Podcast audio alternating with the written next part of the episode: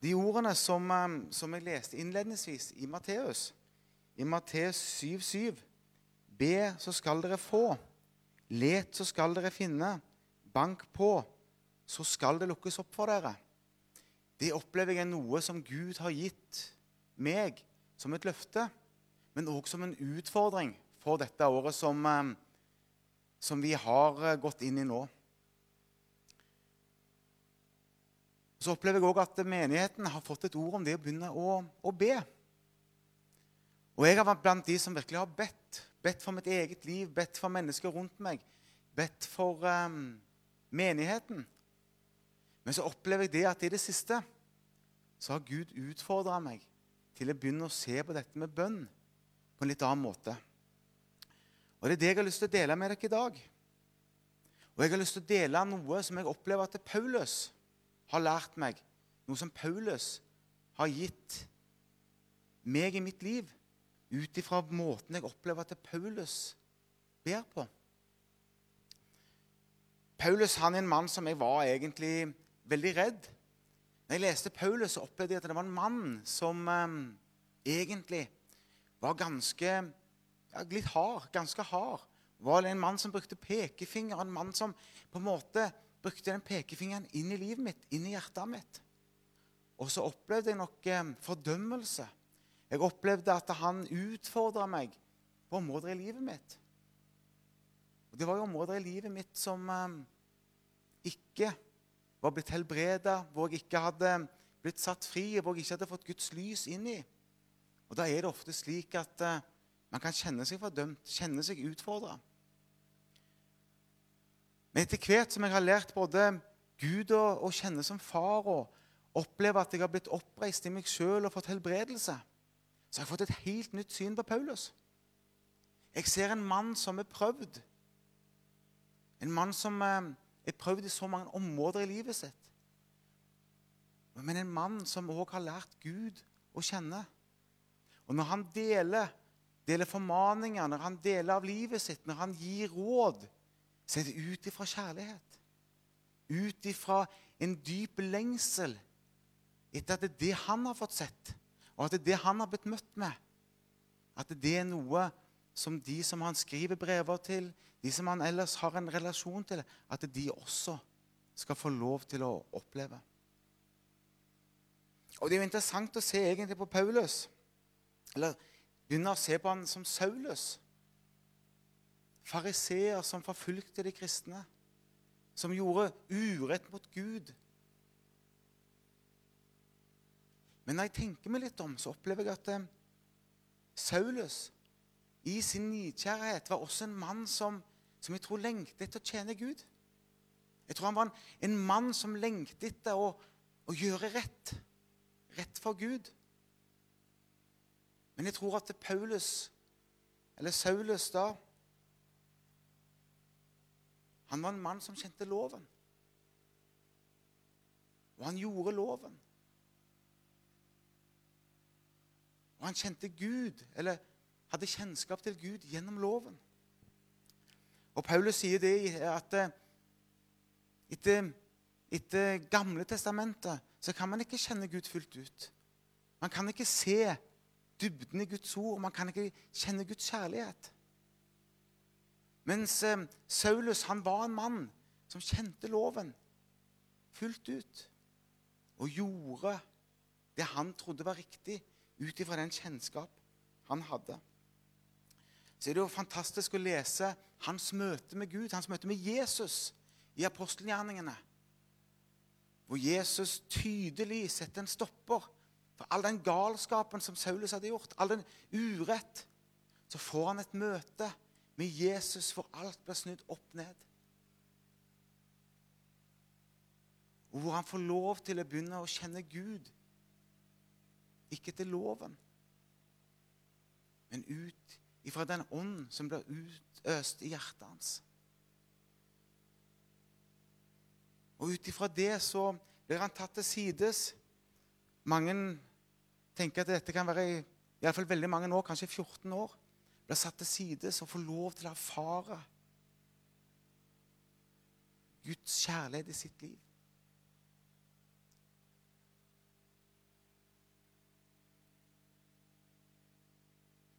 Men jeg tror ofte så er det også slik at vi, i alle fall jeg i mitt liv, jeg har prøvd å kjenne Gud ut ifra loven. Men på samme måte som Saulus fikk et møte med Jesus og ble kjent med, med Jesus og fikk nåde og sannhet i livet sitt, så har vi også fått nåde og sannhet i livet det vi tar imot Jesus, og får lov til å ta imot den ånd som er gitt oss, og la den få lov å bo i hjertet vårt. Og da få lov til å bli kjent med Gud på en helt annen måte. Og da ser vi at den samme dedikasjon som Saulus hadde, den samme lengsel etter å tjene Gud, den har Paulus når han ble reist opp som et nytt menneske i det å bli kjent med Gud.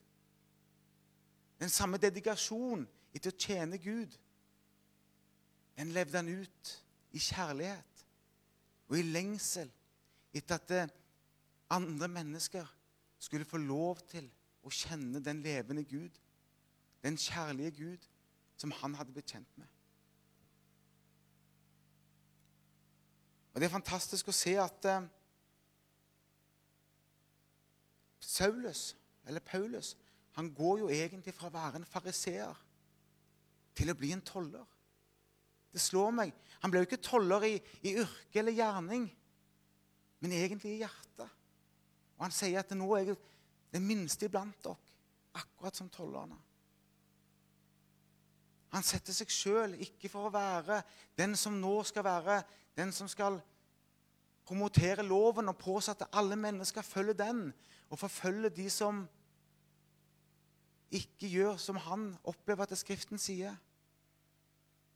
Men han får et medynk, barmhjertighet, en lengsel etter å se mennesker gripe det som han har fått lov til å erfare. Og Det er så fantastisk å se at eh, loven oppfylles i Paulus sitt liv idet han tar imot Jesus. Så snus alt opp ned på hodet. Og Så ser vi at eh, Paulus han forandrer seg helt. Fra å være en som er dedikert etter å forfølge de som tror på Jesus, så blir han dedikert til å la mennesker få lov til å møte Jesus og til å erfare den kjærlighet som kom inn i verden ved at Jesus døde på korset. En annen ting som jeg opplever er fantastisk, det er at eh, Paulus han blir et menneske som får som barmhjertighet for mennesker. Og at vi ser det gjennom at Paulus òg blir et bønnemenneske. Og jeg ser at på for mitt eget liv, det å lese Paulus sine bønner, det har blitt et stort skifte i livet mitt. Og Jeg har lyst til at vi skal ta oss og se på en av de bønnene og blar om til um, Paulus brev til feserne. Og der er det egentlig to fantastiske bønner som står skrevet. Den ene den står i, ehm, i, i første kapittel. Vi skal ta og se på den som står i, i det andre kapittelet Nei, det tredje kapittelet. Og Da har jeg lyst til å lese det Paulus skriver til menigheten i eh, Efesus, kapittel 3, og vers 14 til og med 21. Derfor bøyer jeg mine knær for, knær for Far, Han som har gitt navn til alt som kalles far, i himmel og på jord.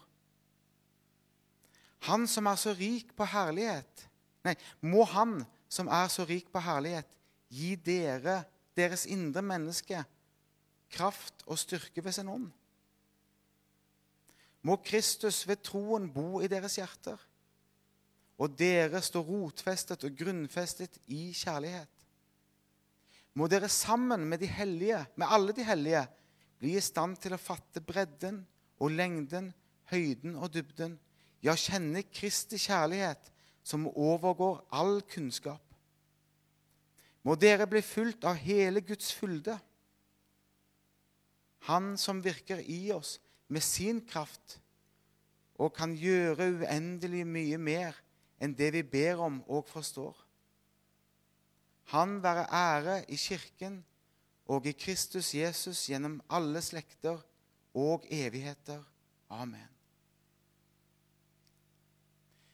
Når jeg leser dette, så blir jeg fascinert over ikke det, eller det første som slår meg, som jeg ble fascinert over. Det er ikke hva Paulus egentlig ber for, men det er hva han ikke ber for. Det Paulus ikke ber for. Jeg vet ikke så veldig mye om, eh, om menigheten i Efesus, utover at Paulus han virka der i antagelig ca. to år. Og Når han skriver dette brevet, så er vel det fra fangenskap i Roma. Og han skriver til menigheten der. En menighet som, eh, når jeg leser om han, antagelig har veldig mange fattige slaver hos seg. Og jeg tenker at Disse fattige slavene de er i en situasjon hvor de virkelig har mange behov. Materielle behov. Behov for um, praktiske ting, praktisk hjelp. Kanskje bli satt ut av, av slaveri. Jeg vet ikke. Men vi kan bare tenke oss om oss sjøl. Alle de behovene disse menneskene kan kjenne på i det daglige. Jeg er slik at um, i mitt bønneliv så har jeg veldig ofte bedt for alle disse tingene som er utafor meg sjøl. De tingene som påvirker meg i hverdagen, men som er der ute. Ting som jobb, ting som økonomi og bil, hus. Så ber jeg om at Gud må velsigne. Ber om at Gud må legge til rette. Ber om at Gud må kanskje ordne opp i ting. Og vet du hva? Sånn en Gud har vi. Bibelen sier at vi skal, kan be om alle ting, og vi skal få. Olav han um, sa en gang det at um, vi kan be om alle ting. Det er ikke sikkert vi får alt vi ber om, men vi får alt vi trenger. Og sånn er Gud. Han velsigner oss også med disse tingene slik at vi får muligheten til å betale regninger, kjøpe mat, at vi har et bosted. Men så kjenner jeg når jeg leser denne bønnen, at oi Paulus ber ikke for noen av de tingene. Paulus han ber ikke om materielle ting. Og så er det som at jeg ser meg sjøl i speilet Og så opplever jeg det at jeg får se noe som jeg har mangla i livet mitt. Nemlig å be den bønnen som Paulus ber. Det som går på det indre mennesket. Og Jeg ble så oppmuntra når jeg ser hva Paulus ikke ber om. Men når jeg ser at det Paulus ber for det som er det evige i menneskers liv. Jeg tror at Gud ønsker å velsigne oss økonomisk, praktisk. Ønsker å velsigne oss med en jobb. Og på jobben så ønsker han å velsigne oss med gode relasjoner, og at vi kan få gjøre et, et arbeid som er meningsfullt. Jeg tror at Gud ønsker å velsigne oss med alle disse gode tingene i livene våre. Men alle disse tingene, det er forgjengelig. Det skal få gå. Og jeg tror at eh, i mitt eget liv så tok det også bort fokuset. I mitt gudsliv og i mitt bønneliv. Når jeg fikk se dette, så var det ingen fordømmelse. Men det var heller en glede over å se at eh, jeg kan utvide bønnelivet mitt og troen på Gud. Ha to tanker i hodet samtidig. Fortsette å be for disse tingene. Men å få lov til å gå dypere inn i bønnelivet mitt. Både i forhold til bønn for mitt eget liv og for andre mennesker.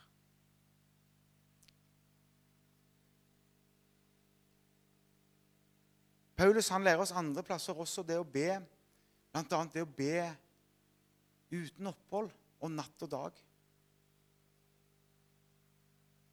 Det jeg så i mitt liv, var at eh, når jeg gjorde det, og jeg hadde fokus på å be eksempelvis for bil og bilen min, så brukte jeg energi som, som nesten det ikke det var bortkasta, men det var nesten så det gikk mot bekymring.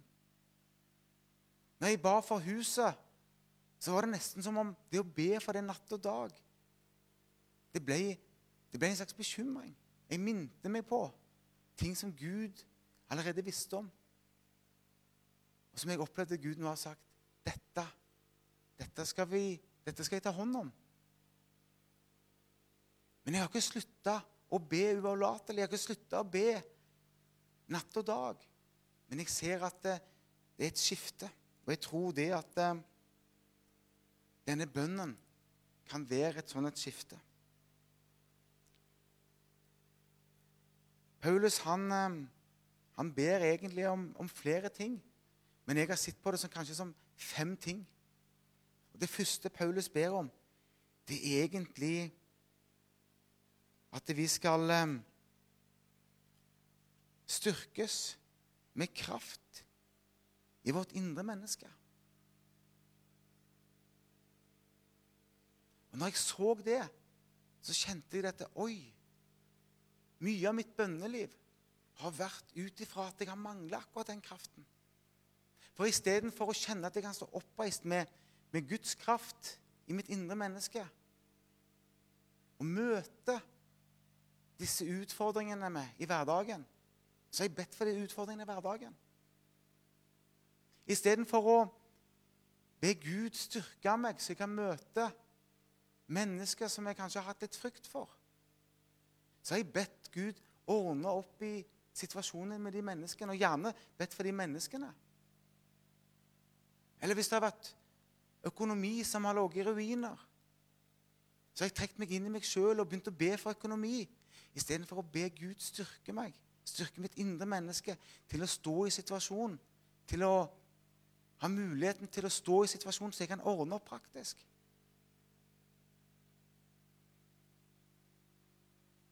Og For meg så var det å få se noe fantastisk stort.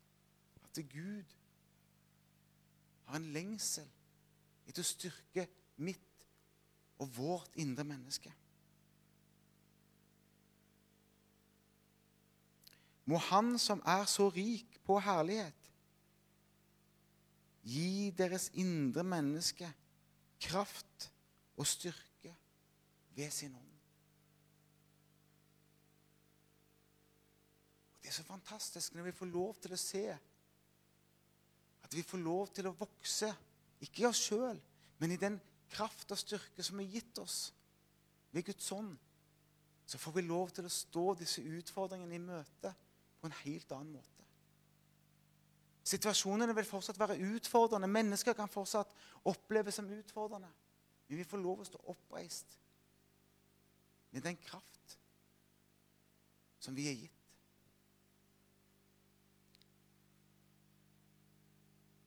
Neste bønn som Paulus ber, er Må Kristus ved troen bo i deres hjerter og dere står rotfestet og grunnfestet i kjærlighet. Det jeg så i mitt eget liv, det var at når jeg møtte disse utfordringene der ute, så lot jeg meg rive hit, og jeg lot meg rive dit. Fordi emosjonene i livet mitt De var som en vind som gikk hit og dit. Frykt og redsel, men også glede og og begeistring. Så veier jeg fram og tilbake. Men så ser jeg det at eh, det er mulig. Det er mulig når ved Kristus, ved troen, bor i våre hjerter, så skal vi få lov å stå rotfesta og grunnfesta. Både i emosjonene våre, men også i tankene våre. Vi skal ikke la oss forføre hit eller dit.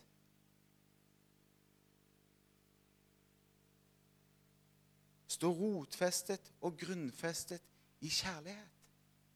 For når Guds kjærlighet får lov å innta de områdene i livene våre som spiller oss ofte et puss også emosjonelt, følelsesmessig, så kommer ikke frykten. Så kommer ikke bekymringen. Så kommer ikke de snikende tankene som ofte kom hos meg, som gjorde at jeg ble motløs, som gjorde at jeg ikke så utvei. Men jeg får lov å ta imot den Guds kjærlighet som gjør at jeg kan stå rotfesta. Jo da, så kommer det situasjoner mot den, men da er det ikke bekymring, angst og frykt som tar overhånd. Men da er det Guds kjærlighet som får fylle den. Så kan han stå. Stå rotfesta og grunnfesta i troen og i den kjærlighet som fyller våre hjerter.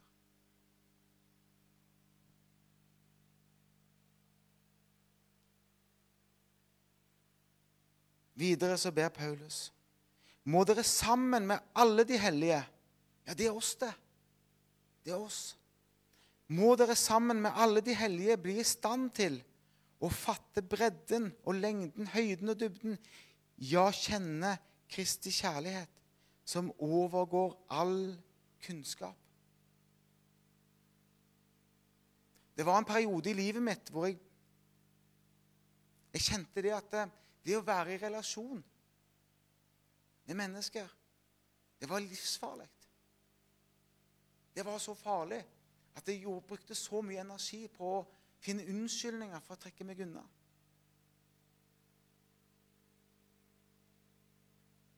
Så ser jeg at i fellesskapet, det sosiale, det åndelige fellesskapet der dette på en måte utfyller hverandre, så er det noe Og Paulus han så det, og han ba om dette. Om at vi sammen med de hellige skal få lov til å erfare, til å få kjenne, til å få se både i åpenbaring fra Skriften, men også den erfaring vi lever med av Guds kjærlighet. Så skal vi få lov til å kjenne Kristi kjærlighet, som overgår all kunnskap. Alt det vi kan forstå med vår forstand, skal vi få lov til å erfare.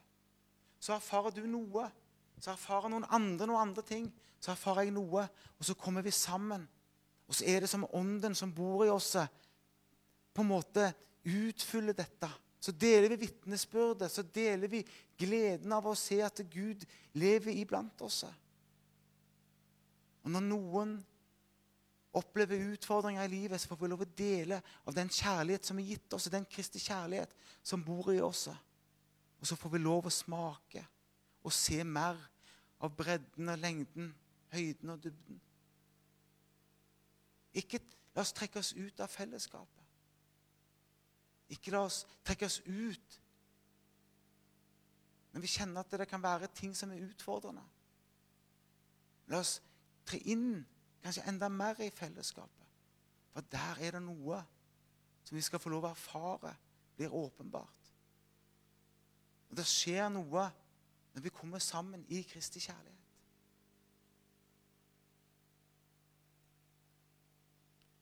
Videre så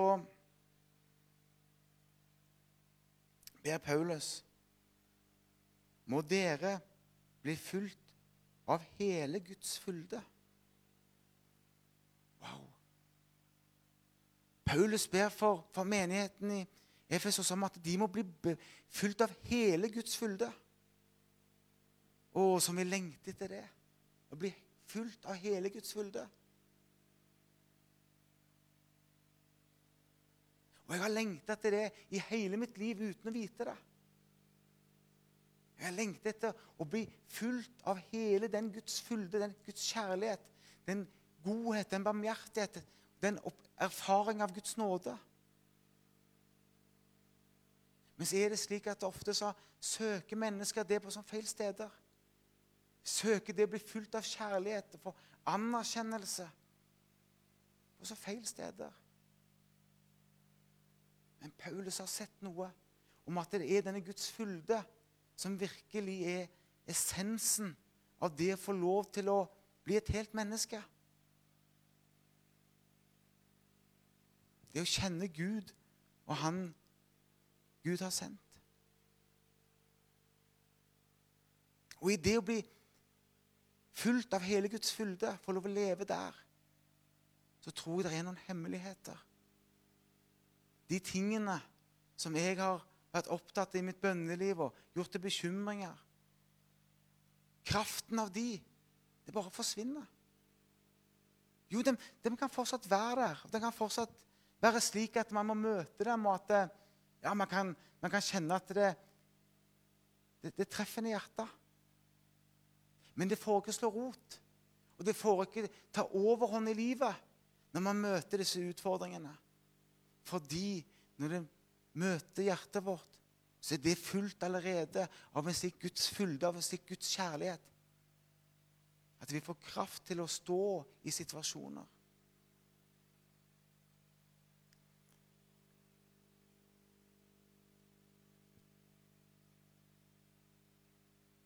Så gir Paulus oss et fantastisk løfte, egentlig et blikk inn i hvem Gud er.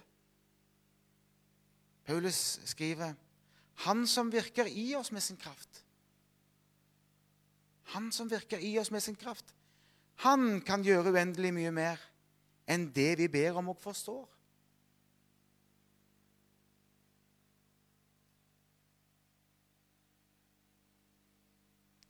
Så jeg ser det at eh, vi har en Gud. Vi har en far, en levende Gud, som har skapt himmel og jord. Han som elsker oss så høyt at han sendte sin sønn Jesus Kristus til å dø på et kors. Han Han kan gjøre uendelig mye mer enn det vi ber om og forstår. Og Når jeg leser denne bønnen til Paulus, da forstår jeg mer det som står at eh, søk Guds rike først og hans rettferdighet. Så skal du få alt andre i tillegg. Eller det det står det evige liv, det å, å kjenne Gud og han, han har sendt. Så i mitt bønneliv så kjenner jeg at Gud har kalt meg til å fokusere annerledes. Be mindre for de tingene som er utafor og mer for det som er på innsida. Og det er jo ikke feil å be for økonomi, materielle ting. Det er ikke feil å be om at Gud skal legge til rette for en jobb eller en utdanning. Eller at Gud skal gjøre noe med de situasjonene vi opplever, kan være utfordrende der ute. Men for meg så har det vært det å ha to tanker i hodet samtidig. Men å få lov til å se det at det er noe i mitt liv som overgår det å få lov til å se at Gud håndterer de tingene. Nemlig det at Guds kjærlighet, Guds kraft og Guds fylde får lov til å bli noe som endrer meg på innsida slik at jeg står rotfesta, grunnfesta, når de tingene der ute kan være som en storm. Jeg tror det er det òg som Jesus viser oss i når han stiller stormen. Jo, han kan stille de tingene som er der ute. Men det er stormen inni hjertet, stormen inni oss, i tankelivet, i følelseslivet, som blir stille når vi får lov til å erfare det som Paulus ber for her. Må Han som er så rik på herlighet, gi deres indre menneske kraft og styrke ved sin ånd. Må Kristus ved troen bo i deres hjerter, og dere stå rotfestet og grunnfestet i kjærlighet må dere sammen med alle de hellige bli i stand til å fatte bredden og lengden, høyden og dybden, ja, kjenne Kristi kjærlighet, som overgår all kunnskap. Må dere bli fylt av hele Guds fylde, Han som virker i oss med sin kraft og kan gjøre uendelig mye mer enn det vi ber om og forstår. Så vi takker deg, far. Takker deg, gode Gud, for um, disse ordene. Vi takker deg, far, for at du kan gjøre så uendelig mye mer enn det vi ber om, og det vi kan forstå. Også med alle de tingene som kan være utfordringer i livet vårt. Økonomi, jobb, bil, hus, sykdom. Situasjoner med mennesker vi er, er glad i og står i relasjon til. Alle de tingene som kan bekymre oss. Vi takker deg, far, for det. Og så takker vi deg òg, far, for at du ønsker å røre ved vårt indre menneske. Gi oss kraft.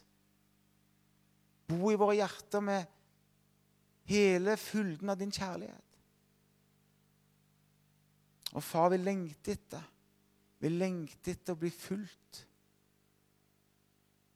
av denne kjærligheten. Vi lengter etter å bli fulgt av enda mer av hele Guds fylde. Slik at vi kan få lov til å leve uten frykt, uten bekymring, uten at motløsheten tar oss når situasjoner møter oss. Men at vi kan få lov til å stå i situasjoner rotfesta og grunnfesta i Kristi kjærlighet. Takker deg, far, for du òg har kalt oss til å gi dette videre til andre mennesker.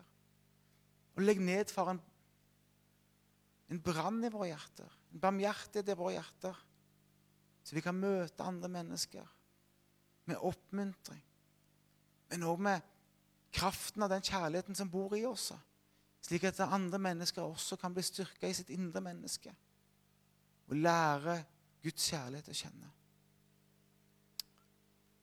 Nå takker vi deg, far, for at eh, du gjør mer enn det vi fatter og ber om, mer enn det vi forstår. At vi kan legge alle bekymringer på deg. Jeg takker deg, far. I Jesu navn. Amen.